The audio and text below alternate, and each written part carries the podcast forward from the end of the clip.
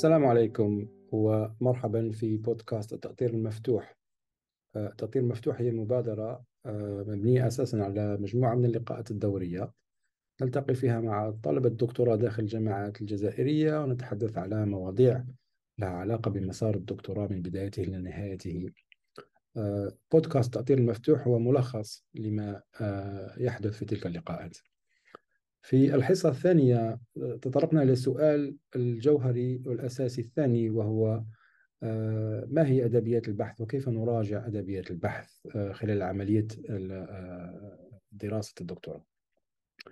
وهذا السؤال له علاقة مباشرة بالتعريف اللي كنت اقترحته لماهية الدكتوراه. من وجهة نظري أنا قلت أن الدكتوراه في الحصة اللي فاتت الدكتوراه هي عمل له صلة بأسئلة الساعة في ميدان معين ولا بحالة المعرفة في ميدان معين. آه، الدكتوراه هي التمرس والتدرب على آه، منهجية أو منهجيات معينة في ذلك الميدان والتمرس على تطبيقها بدقة وصرامة. وكي كي نقوم بهذا الشيء نطرح إشكالية عندها علاقة بحالة المعرفة ولا بأسئلة الساعة في الميدان ومحاولة الإجابة عليها بمنهجية دقيقة وصارمة سننتج عملا أصليا. وهذا العمل يمكن نكتبه في أطروحة آه، هو ما يمثل الدكتوراه. آه، آه، مراجعة الأدبيات موقعها في الدكتوراه لها علاقة مباشرة بالعنصر الأول اللي ذكرته أن العمل اللي نقوم به لازم يكون عنده صلة بأسئلة الساعة وبحالة المعرفة. هذه من جهة ومن جهة ثانية كنا تكلمنا كذلك على مثال على بنية لمسار الدكتوراه. آه، وهناك العديد من البنيات يعني. قلنا مثلا آه، عادة العام الأول ولا جزء كبير من العام الأول يفوت طالب دكتوراه في مراجعة الأدبيات. في في قراءة الأبحاث والمنشورات العلمية وطروحات الكتب حتى يتمكن ويبني معرفة يعني دقيقة بالمجال قبل قبل ما يوصل إلى المرحلة وأنه يقدر يطرح ولا يصيغ إشكالية بحث آه، جيدة. إذا آه، مراجعة الأدبيات نقدر نعرفوها بالنسبة لهذا بالنسبة لهذا المنطلقين لأنك في البداية يجب أن آه، تقرأ الكثير والكثير من من الأبحاث. ما نشر غيرك يعني ما قام به الغير في في مجال معين حتى تصيغ إشكالية لها علاقة بأسئلة الساعة ولا بحالة المعرفة. في في الميدان المعين. ونحب إن دائما نذكر أن مراجعة الأدبيات آه هذا هذا العملية هذه هي آه فرصة ولا ميكانيزم يساعدك أنت الطالب أو الباحث أنك تظهر وعي بما هو موجود. لأنك ما تقدرش تخدم في فراغ ما تقدرش تجي تطرح سؤال هكذا في فراغ. يجب أن تظهر وعيا بما هو موجود في الساحة. فمراجعة الأدبيات تمكنك من ذلك. مراجعة الأدبيات كذلك هي فرصة لإظهار قدرتك على تفسير ما هو موجود.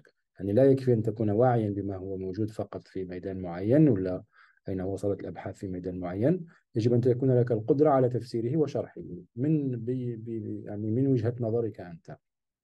يعني ما تقولش مثلا فلان عمل كذا ولا هذا الفريق البحث قام بالبحث الفلاني فقط. يجب أن تفسره وتشرحه. هذا العنصر الثاني. ثم نقول أن العنصر الثالث هو لا يكفي أن تكون واعيا فقط ولا على أن تفسر وتشرح فقط. يجب أن تكون آه، يجب أن تقدم نقدا لما هو موجود كذلك.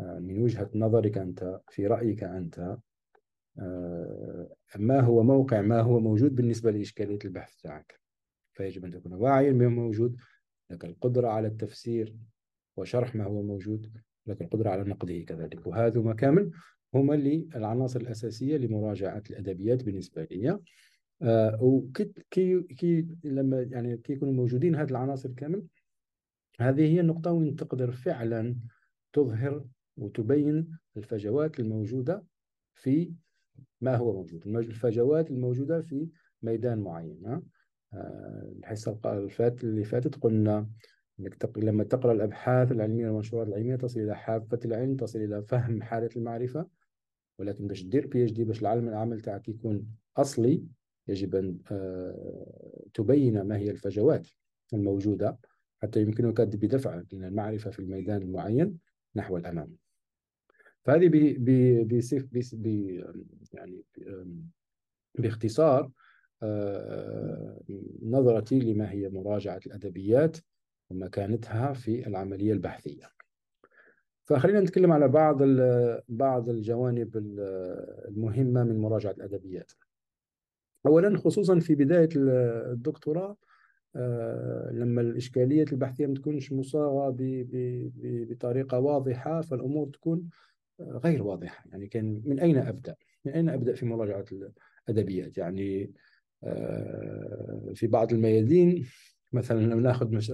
ناخذ مثلا الكيمياء أو أو البيولوجيا أو حاجة هذا ميادين عريقة جدا أبحاث نشرت فيها منذ مئات ومئات السنين اين أين أبدأ؟ ولا ميدان آخر كعلوم الحاسوب ولا في التفاعل الانساني الحاسوبي ولا جانب منه من أين أبدأ؟ فمن المهم جدا أنك مع المشرف تاعك أن تضع مخططا لمراجعة الأدبيات آه، اول اول آه، أول ما تبدأ في في في الدكتوراه تاعك. ولكن حتى هذه قضية المخطط كيف أضع مخطط؟ فأنا عندي واحد الطريقة هكذا أقترحها على الطلبة. أراها يعني نافعة. آه، آه، وهو أنك أول ما تبدأ تحاول صياغة إشكالية ولو ولو لو بغير وضوح يعني ودقة تامة معليش. ولكن من هذه الصياغة الإشكالية تضع قائمة المفاهيم والنظريات والمواضيع العامة اللي عندها علاقة بالإشكالية. حتى أفهم إشكالية معينة ما هي؟ يعني وكأنك تشرح هذه الإشكالية وتضع قائمة لكل المفاهيم والنظريات والمواضيع العامة اللي عندها علاقة بها. مثلا آه، في عهد المشاريع اللي عندنا حاليا آه، نحن نعمل على إشكالية البحث يعني نقدر نقول هي كيف نصمم تكنولوجيا تربوية تساعد على إدماج الأطفال المعاقين في المدارس العامة. فهذه إشكالية عامة. آه، ما هي المفاهيم اللي عندها علاقة؟ ودعنا نشرح هذه الإشكالية. قلنا نصمم. أوكي طيب نصمم. ما هو تصميم أصلا؟ يعني يجب يجب أن نراجع الأدبيات حتى نفهم ما هو التصميم في في الميدان المعين. ماذا نقصد بالتصميم؟ أوكي نصمم تكنولوجيا تربوية. أوكي ما هي التكنولوجيا التربوية؟ ما هي التربية؟ ما هي ما هي علاقة التكنولوجيا بالتدريس؟ ما هي نظريات التدريس؟ بيداغوجية التدريس؟ ما هي التكنولوجيا المساعدة؟ تكلمنا عن الإعاقة ما هي التكنولوجيا المساعدة؟ ما هو تاريخها؟ أين وصلت؟ فهكذا نبدأ نضع بعض بعض المفاهيم والنظريات الأساسية في وإحنا تكلمنا على جزئين فقط يعني جزء فقط تصميم تكنولوجيا تربوية لإدماج الأطفال المعاقين طيب ما هي ما هو مفهوم الإدماج هذا المعاصر؟ ماذا نقصد بالإدماج تحديدا؟ كيف كيف نعمل على إدماج الأطفال؟ ما هي آه، حتى القوانين والسياسات الإدماج في في التربية آه، كيف تساهم التكنولوجيا في في الإدماج؟ فنضع قائم قوائم هكذا وقلنا أطفال معاقين طيب ما هي الإعاقة؟ ما هو مفهوم الإعاقة؟ آه، ممكن بالك نتكلم على أطفال لهم إعاقة مخصصة مثلا نخدموا مع التوحد و آه، والأطفال المكفوفين طيب ما ما هي كيف نفهم آه، هذه الإعاقة؟ وما هي وما هي علاقتها بالتكنولوجيا؟ فهكذا نبدأ في إشكالية واحدة نشرحها هكذا. ونبدأ نضع مفاهيم أساسية ومن ثم نظريات أساسية وهذه تبدأ تفتح لي قنوات للبحث على مراجع وأدبيات لها علاقة بتعاوني بفهم تلك المفاهيم آه، وهكذا. فهكذا نبدأ في وضع مخطط. ولكن لا يكفي هذا لأنه هذه الأمور يعني ممكن تبدأ تتشعب بسرعة ونفقد السيطرة يعني. فأنا أقترح دائما استخدام بعض الرسوم البيانية اللي تساعدك على على آه، تنظيم المخطط تاعك وفهمه وإدراكه. فممكن نستعمل فان دايجرامز مثلا قضية هذه استعمال آه، حلقات هكذا مترابطة أو متقاطعة فهكذا كل مفهوم أو نظرية نضعها في حلقة ونشوف أين يكمن التقاطع وعند التقاطع ما هي النظريات والمفاهيم الموجودة هناك ونبدأ ننظم روحي هكذا. هذا نوع من من التمثيل البياني الذي يمكن أن يساعدنا في رسم المخطط مخطط مراجعة الأدبيات. آه، شخصيا لا أفضل هذا كثيرا الفان دايجرامز لأنه صعيب باش لما تبدأ الأمور تتعقد شوية وتتشعب صعيب باش باش الواحد ياخذ نظرة واضحة عما هو موجود. آه، آه، اقتراحي عادة للطلبة هو استخدام ما يعرف بالخرائط الذهنية والمايند مابس. أجد في هذا يعني أجدها نافعة أكثر خصوصا من قضية التنظيم المرئي لأنه فيها هرميات هكذا ويسهل تتبع الفروع والتشعبات بهذه الطريقة. فإذا المثال اللي تكلمنا عليه دوكا التصميم التكنولوجيا المساعدة لإدماج الأطفال المعاقين في المدارس العامة كإشكالية بحث. فأنا عادة نقول ناخذ ورقة ورقة بيضاء نكتب الإشكالية في وسط الورقة ونبدأ نخلق التفرعات. مثلا التفرع الأول هو آه، قلنا التصميم. أوكي. التفرع اللي هو التصميم. ما هو التصميم؟ آه، ومن ثم يخرج تفرعات أخرى. نبدأ نقرأ في على التصميم. نوجد أن هناك منهجيات مختلفة. تصميم تشاركي مثلا تصميم مدمج داخل المجتمعات أمور هكذا. نأخذ فرع آخر تفرع آخر أو تشعب آخر للتكنولوجيا المساعدة. ما هي التكنولوجيا المساعدة؟ أين وصلت المعرفة والتكنولوجيا وتطور التكنولوجيا وتصميمها في التكنولوجيا المساعدة تحديدا. ثم الإعاقة. فرع آخر وأبدأ أخلق في التشعبات فهكذا أبني آه، خارطة لأهم المفاهيم وأهم المواضيع وأهم النظريات بعد ذلك اللي لديها علاقة بإشكالية البحث. وهذا يصبح مخطط أستعمله حتى انطلق في البحث ونبدأ نفهم تقريبا وتحديدا وين راني رايح آه، في في في البحث عن مراجعة الأدبيات. فانا آه، آه، أدعوكم ادعو المستمعين أنه يحاولوا يقوموا بهذا التمرين. أوكي؟ فخذ ما هي اشكالياتك البحث سواء الإشكالية العامة للدكتوراه بصفة عامة فهذا يكون سؤال كبير ولا إشكالية فرعية لأنه عادة في في ال PhD هناك إشكالية عامة ولكن هناك اشكاليات فرعية. اكتب الإشكالية في على في وسط الصفحة وابدأ وابدأ تخلق تفرعات وتشعبات في كل فرع آه، ضع مفهوما ولا نظرية ولا آه، ولا ولا موضوع له علاقة بالإشكالية وهكذا تخلق خارطة خارطة آه، مخطط مراجعة الأدبيات بالنسبة إليك. طيب وضعت المخطط آه، أين أبحث عن المراجع أظن أنه قضية المحركات البحث هذه أصبحت من البديهيات لما نذهب في على الإنترنت أول ما نذهب إليه هو محركات البحث وكل محرك بحث عادة آه، كاين كاين محركات بحث مختصة ولا مخصصة للأبحاث العلمية تحديدا. جوجل سكولر هو المعروف جدا آه، بها في بالنسبة بالنسبة للبحث في على المنشورات العلمية. آه، ولكن هذا لا يكفي. كطالب دكتوراه أو كباحث بصفة عامة آه، لازم عليك تكون تعرف في في مجالك المحدد أين تنشر الأبحاث في هذاك المجال. فهذا يمكن يكون مجلات علمية بعينها. هي أحسن المجلات التي تنشر في ذلك المجال لازم تكون تعرفها وتتابعها دوريا. بالنسبة لي آه، كما علوم الحاسوب هذا المجالات في علوم الحاسوب مدفوعة أساسا بالمؤتمرات. آه، ربما أكثر من المجلات أو بنفس بنفس المستوى. فلازم تكون تعرف ما هم المؤتمرات الأساسية والرئيسية التي تنشر فيها الأبحاث أحسن الأبحاث في في في ميدانك. فمثلا بالنسبة للإشكالية اللي ذكرتها من قبيله تصميم التكنولوجيا التربوية والمساعدة لإدماج الأطفال المعاقين داخل المدارس العامة. هنا بالنسبة لي أنايا آه، كاين على الأقل ثلاث أو أربع مؤتمرات ومجلات آه، آه، ثم تنشر فيها أحسن الأبحاث اللي عندها علاقة بهذه الإشكالية. تصميم التكنولوجيا هذا في في مؤتمر معين مختص في تصميم التكنولوجيا لازم نكون نتعرف عليه نتعرف على دوريا متى متى تنشر الأبحاث نعرف الباحثين اللي نشروا فيه. التكنولوجيا المساعدة عندنا مؤتمر ومجلة مختصة في التكنولوجيا المساعدة التكنولوجيا التربوية الإعاقة وهكذا.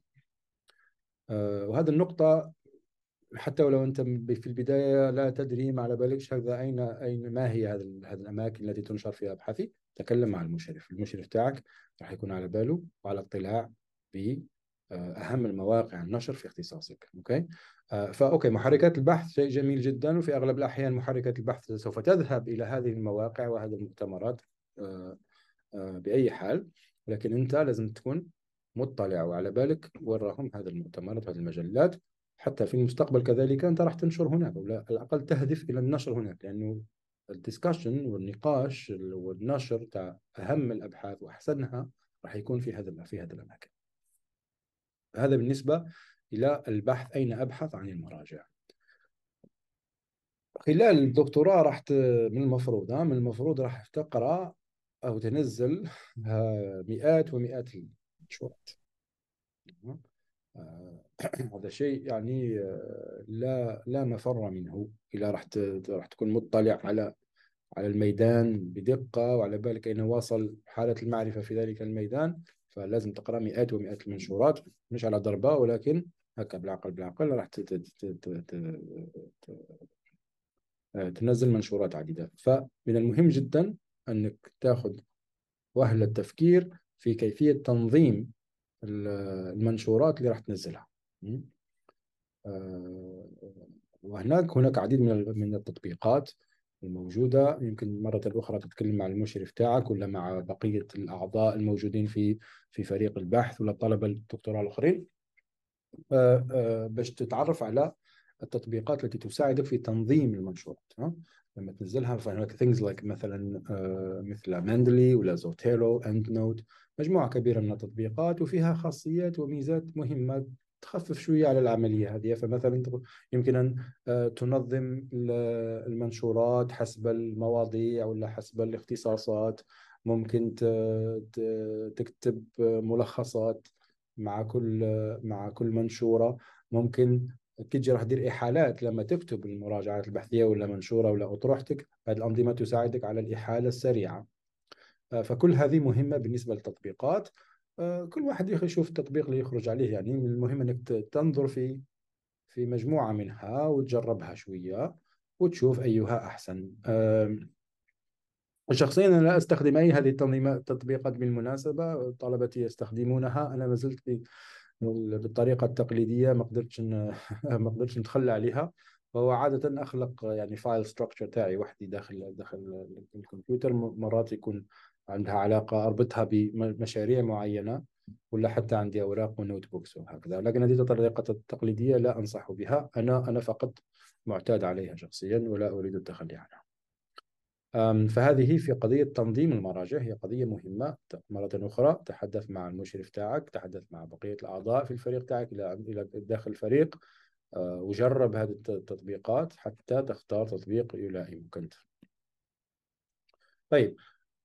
وضعنا مخطط تعرفنا على أماكن البحث ونحوسوا على على المنشورات. آه، اخترنا تطبيق ننظموا به المنشورات اللي ننزلها على الحاسوب تاعنا وماذا عن النقطة الأساسية؟ قراءة المراجع. قلنا أنت في عملية الدكتوراه راح تقرأ مئات ومئات المنشورات. هذه لا مفر منه. آه، على الأقل إذا حبيت تدير الدكتوراه بطريقة جيدة. كم تقرأ؟ متى تقرأ؟ وكيف تقرأ؟ في الحقيقة هذا السؤال راح نخصص له حلقة لوحده كيف كيف أقرأ؟ منشورة علمية وكيف آه، ومتى أقرأ؟ وكم أقرأ؟ وكيف ألخص؟ ما إلى ذلك. ولكن بصفة عامة نقول عليك تخصيص وقت يوميا للقراءة يكون روتين يعني. عندك وقت معين في في اليوم ساعتين ولا أكثر ممكن يزيد ولا تنقص بحسب الفيز وين راك في العملية البحثية. ولكن يجب أن يكون هناك وقت مخصص يوميا للقراءة تتعود عليه ولا تتخلى عنه. آه، أنا أفضل طباعة الأوراق البحثية قبل قراءتها. وهنا في الحقيقة كاين أسباب عديدة. أولا الطباعة فيها إشكال شوية لأنه آه، من الناحية المادية وحتى من ناحية الحفاظ على المحيط. آه، مش مليح يعني أن تطبع كثيرا. ولكن في نفس الوقت آه، من المعروف أن هناك دراسات دقيقة جدا توضح هذا أن هناك فرق مهم جدا في القراءة من الورقة والقراءة من الشاشة. ما هيش نفس العملية حتى من الناحية الإدراكية ومن ناحية الاستيعاب ومن ناحية يعني الاستغراق والانغماس في المواضيع وما إلى ذلك الورقة ليست كالشاشة. آه، فبالتالي حتى نوازن بين هذه النقطتين من الناحية المادية والحفاظ على المحيط ومن ناحية أهمية القراءة على الأوراق بدل الشاشة أنا أقول أنه على الأقل وراح تتعرف أنت شخصيا على بعض المنشورات المهمة بعض الأبحاث المهمة اللي راح تقرأها بدقة كثيرا. آه، لأنه لا نقرأ كل المنشورات بنفس بنفس الدقة وسنتكلم عن هذا في الحصة القادمة بحول الله. هذوك المنشورات المهمة أنت تحكم عليها أنها ستكون لديها موقع مهم بالنسبة ل بالنسبة لبحثك أنت هذيك تبعها خذ وقتك واقراها وخذ قلم واكتب ودير انوتيشن وسطر وما إلى ذلك. تمام؟ ثم عليك بالتلخيص والتوثيق. هذه مهم جدا لأنك قلنا مرة أخرى ستقرأ مئات ومئات المنشورات وستنسى أين قرأت المعلومة الفلانية ولا البحث الفلاني ومن كتبه ومتى نشر وأي علاقة لديه بالأبحاث الأخرى. فمن المهم أنك عندما تقرأ توثق هذه القراءة وتلخص المنشورة. وبعض التطبيقات اللي ذكرتهم مقبلة لديهم خاصية وميزة تساعدك على وضع ملخص صغير. مش لازم تلخص يعني ورقة أو ورقتين حتى بضعة أسطر يكون نافع يعني لتلخيص وتوثيق عملية قراءة المراجع. وهذه لديها علاقة كذلك بكتابة مراجعة الأدبيات. أنت في في لحظة من اللحظات راح يا إما تكتب فصل لمراجعة الأدبيات في الأطروحة أو عندما تكتب منشورة علمية راح يكون كاين كذلك سكشن جزء من المنشورة راح تتكلم فيه على الأدبيات. فمرة أخرى قضية الكتابة كيف نكتب ومتى نكتب وكذا سنخصص لها حصة آه، بأكملها لهذا الموضوع. ولكن مرة أخرى تكتب كل يوم. لما تقرأ تلخص وتكتب آه، وتحاول تضع وقت هذاك الموصول بين القراءة والكتابة.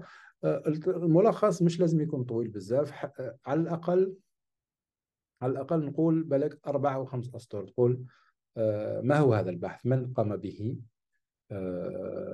وما هي ما هي إشكالية البحث الذي رامي تطرقوا لها؟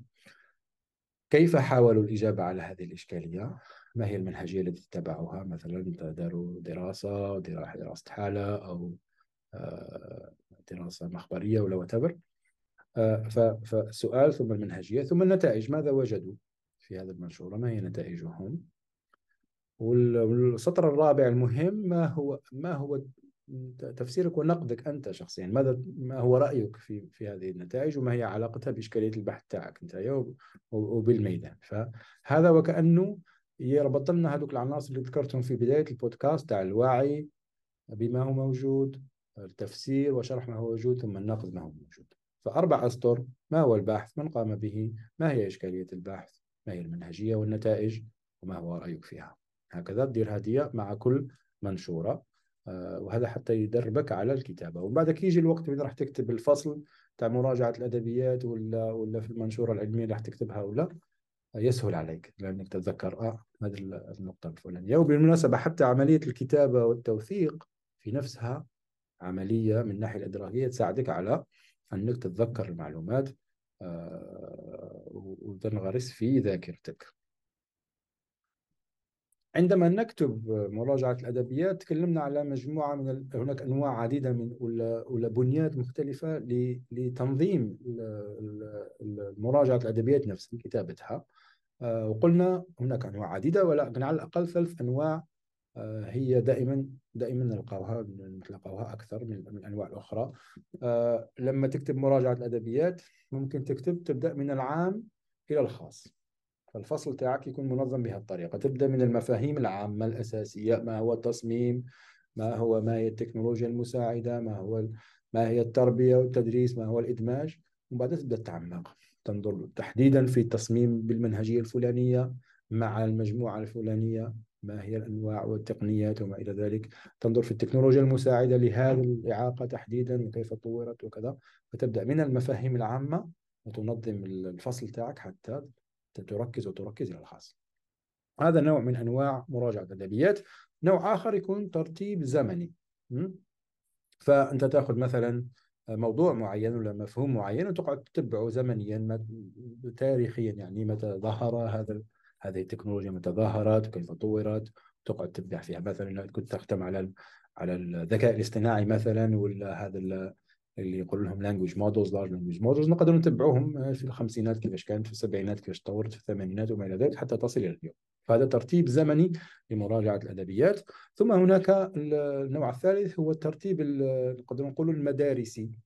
في ميدان معين ولا في مفهوم معين ولا في نظرية معينة هناك مدارس فكرية. فأنت تراجع الأدبيات تاعها حسب المدرسة وتنظم مراجعة الأدبيات تاعك بهذه الطريقة. آه، طبعا هذه أنواع يعني نذكروها هكا بصفة عامة بصح ممكن تكون متداخلة مع بعضها البعض. فمثلا في في في الطريقة ولا النوع المدارسي آه، يمكن في الم... في لما تتكلم على مدرسة معينة تستعمل الترتيب الزمني أو تروح من العامل الخاص وهكذا. فهذه بعض الأنواع لكتابة مراجعة الأدبيات. من المهم أخيرا أن نقول أنه مراجعة الأدبيات هذه رغم أن ذكرنا في البداية قلنا في في في بداية الدكتوراه ولا العام الأول ولا جزء كبير منه تفوتوا في قراءة ومراجعة الأدبيات والكتابة عنها. يجب أن نتذكر دائما أن هذه البنية هذا اللي تبني فيها ليست جامدة متحجرة هكذا بل هي بنية ديناميكية تتغير. لازم دائما تعود تراجع آه، مراجعة الأدبيات تاعك. آه، آه، تخيل مثلا بديت في الدكتوراه فوت العام الأول قريت مئات ومئات المراجع وثقتها وما إلى ذلك. بصح كي توصل في نهاية الدكتوراه أنت فوت عامين بعد ذلك أنت تخدم فهناك الجديد هناك جديد يظهر. ويمكن الأمور اختلفت ويمكن هناك تطورات أخرى فيجب مراجعة الأدبيات. ونفس الحاجة بالنسبة لإشكالية فرعية ليس إشكالية العامة للدكتوراه.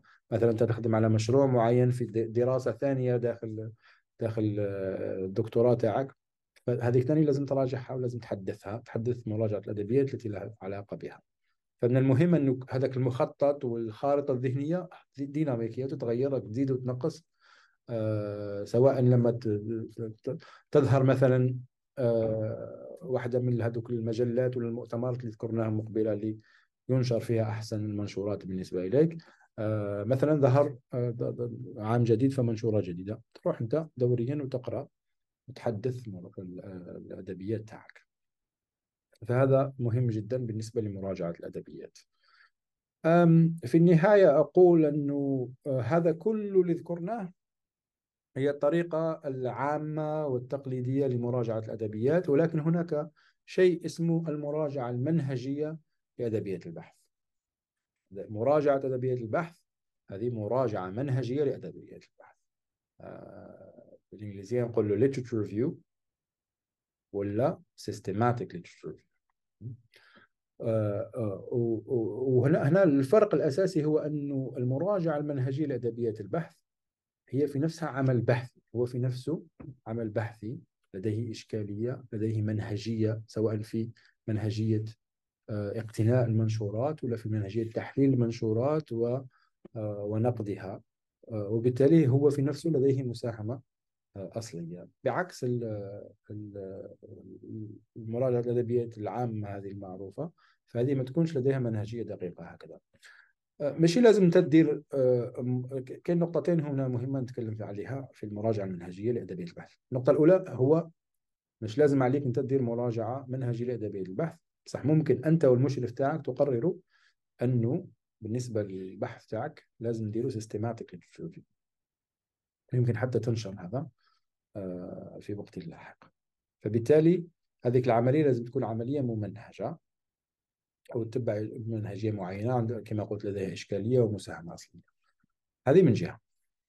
آه، من جهة أخرى عند بداية كي تكلمنا قبيلة قلنا تضع مخطط للبحث باش تفهم أين تبدأ عما تبحث وأين تبحث. آه، مليح تبدأ تحوس على هذو systematic review اللي نشروهم ناس قبلك في مواضيع مهم معينة. فمثلا لما قلنا التكنولوجيا المساعدة للأطفال المكفوفين في التربية فلا نحوس هل هناك آه، مراجعة منهجية لأدبية البحث في هذا الموضوع بالتحديدا؟ واحدة ولا زوج ولا ثلاثة قام به غيري من قبل حتى زمنيا. بالك واحد داروا في التسعينات واحد داروا في 2000 واحد داروا في 2010 فعندما أبدأ بتلك المراجعات المنهجية ونحوس عليها هي في كل موضوع هذا يساعدني أنا لأنه ناخذ لمحة عامة على على المجال آه، كما كما المسح اللي قام به اللي قام به فلان. ويمكن كذلك أستعمل الاحالات ثم حتى أفهم ماذا أبحث بعد هذا يعني ما هي المنشورات المهمة التي نشرت في هذا المجال. فالمراجعة المنهجية مهمة من هذا المنطلقين. أنك أنت شخصيا ممكن تدير مراجعة منهجية لادبيه البحث في الدكتوراه تاعك ولا في في في في جانب منها. ثم عندما انت تبدأ تراجع في الأدبيات تبدأ في البحث على على المراجعة المنهجية التي نشرت وهذه تساعدك في فهم الميادين. فقلنا هذا عمل المراجعه المنهجية للأدبيات هو عمل بحثي قائم بحد ذاته عمل مركز ويحاول أن يكون عمل موضوعي إلى حد ما. آه، وضعت تكلمنا كذلك في اللقاء على الفرق. دخلنا شوية في التفصيل على الفرق بين المراجعة الأدبية التقليدية والمراجعة المنهجية سواء من ناحية الهدف. آه، المراجعة المنهجية يكون عندها هدف دقيق جدا. فمثلا كما قلت التكنولوجيا التربوية المساعدة للأطفال المكفوفين في المدرسة. فهذه آه، هذا هدف الأوبجكتيف مركز جدا.